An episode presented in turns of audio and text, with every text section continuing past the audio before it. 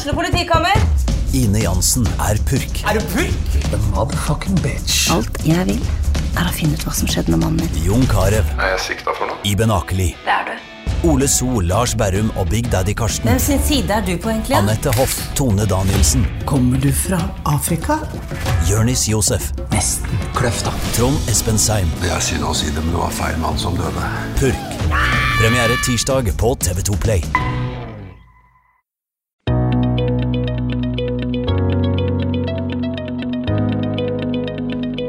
Da samlivsbruddet var et faktum, så kvitta jeg med TV-en. Vi har aldri hatt TV i huset så lenge datteren min har vært her. Hei og velkommen til TV-podden Pappaspesial. Mitt navn er Marie Olaussen. Ole Christian Torkelsen er pappa til ei jente på ni år. Da hun var et halvt år, flyttet foreldrene fra hverandre. Den lille jenta ble etter hvert med moren til et nytt hjem i en by på en helt annen kant av landet. For Ole Kristian betydde dette starten på hans livs viktigste oppgave, kampen for å få lov til å være en tilstedeværende pappa og en viktig person i sitt lille barns liv. På de fem første leveårene hennes så måtte jeg eh, hente og bringe. Og da startet jeg og tok tog opp til Gardermoen. eh, Reiste hjemmefra klokken fire om morgenen. Landet eh, i byen der oppe klokken eh, ni. Og da måtte jeg reise til barnehagen for å hente. Jeg gikk i dialog med barnehagen. Spurte ja, fem og en halv time til disposisjon. Jeg får ikke ta ut av barnehagen så tidlig. Kan jeg få lov å bidra i barnehagen? Kan jeg få lov å jobbe i barnehagen? Og være til stede som en forelder. Noe jeg fikk lov til. Så i fire og et halvt år så brukte jeg fire og en halv time hver eneste fredag jeg skulle hente i barnehagen. Ja, eh, jeg var sliten av og til. Jeg starta tidlig.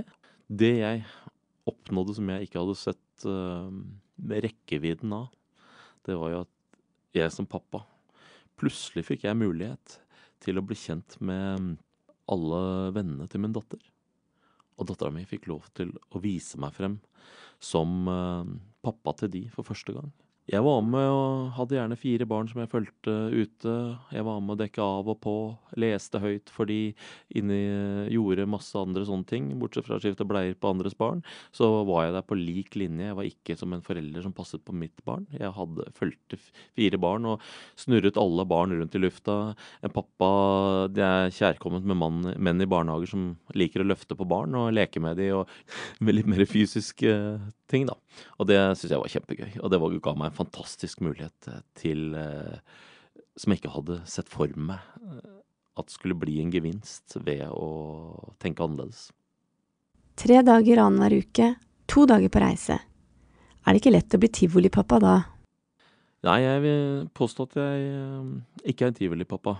For meg så handler det å være pappa om å bygge relasjon, bygge relasjon, bygge relasjon. Og da handler det om tilstedeværelse. Tilnærmet hele tiden.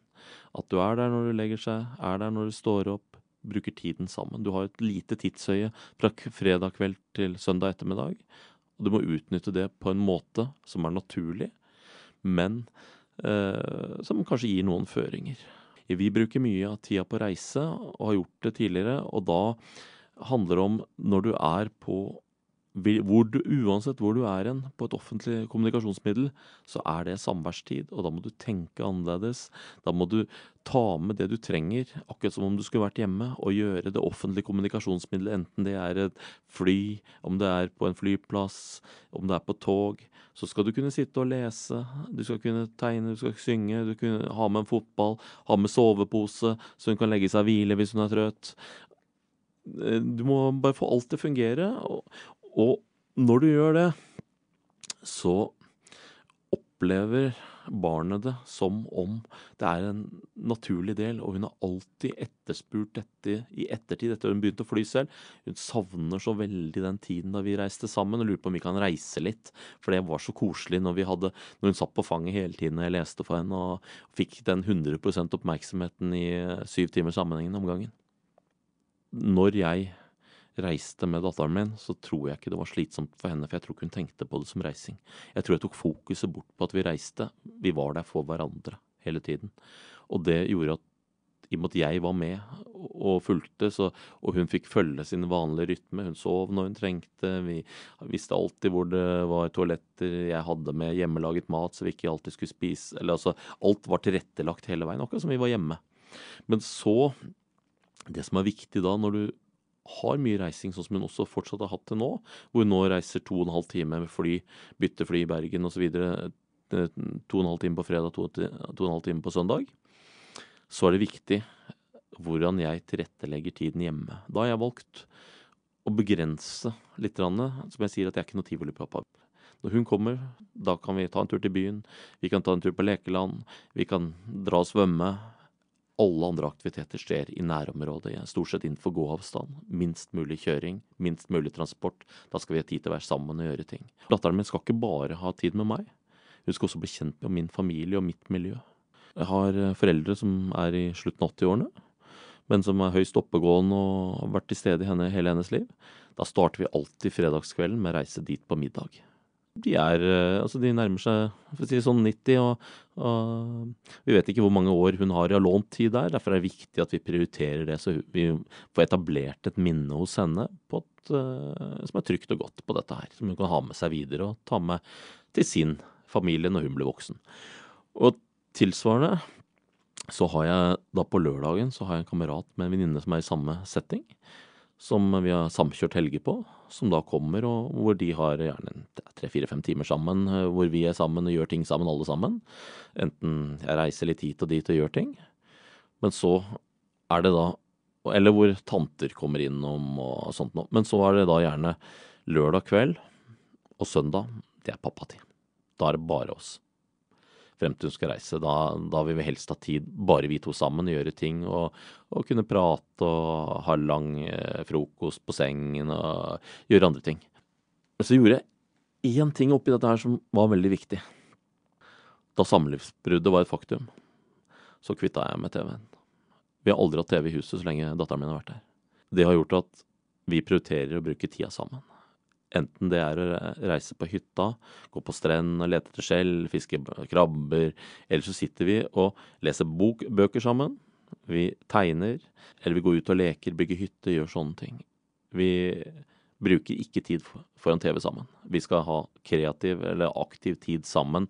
Eh, vi kan godt sitte og tegne og gjøre litt, gjøre litt hver for oss, men vi er sammen. Så vi kan sitte og prate og ha en dialog. Ikke jeg ble veldig passifisert foran TV-en, og det tror jeg hadde ødelagt veldig mye. Så det var et valg jeg tok, og det er jeg veldig glad for. Du har sikkert hørt det du også. Det er morsdag én dag i året, men farsdag er det hver dag. Akkurat slik er det jo ikke i alle familier. Og nå får jeg lyst til å spørre Ole Kristian om farsdagen er en viktig dag for han. Det farsdagen egentlig handler om, det, det vil jeg si at det handler om å sette fokus på ikke bare morsdag, men at far også er like viktig i et barns oppvekst at barn faktisk skal ha rollemodeller. Eh, det handler om skal vi få til eh, et likeverdig samfunn hvor mor og far er like viktige, hvor vi har et eh, likestilling på arbeidsplasser og alt dette, så må også barn altså Nå skal vi klare over at det er 10 000 skilsmisser i Norge hvert år, og, som involverer barn.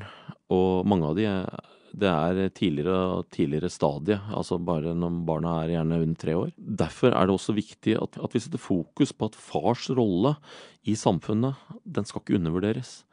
Skal vi få til likestilling, så må også fedre være på banen. Og den beste måten å få fedre på banen, det er gjennom uh, tilstedeværelse og, verdsettelse av, av uh, den funksjonen fedre skal ha. Og det er det som egentlig er budskapet mitt også på en uh, farsdag. Tenk over farsrollen din. Hvordan bruker du tid sammen med barn? Er du bare sammen med barna dine, eller er du til stede sammen med dem? Det er ganske vesentlig forskjell. Og det å være til stede, det Da bygger du noe for resten av livet. Det er noe barna alltid vil huske. Det du bygger av relasjon når de er små, det vil du alltid få igjen når de blir større. Da vil de alltid føle tilhørighet. De vil alltid søke tilbake til deg. Og jeg tror også at det vil ha veldig mye å si for alderdommen hvordan kontakt du har når de blir voksne selv. Du har hørt på TV-podden Pappaspesial. Vi har flere pappahistorier til deg. Søk opp TV-podden på Spotify, Google eller Anchor. Takk for følget. og ha en fin dag.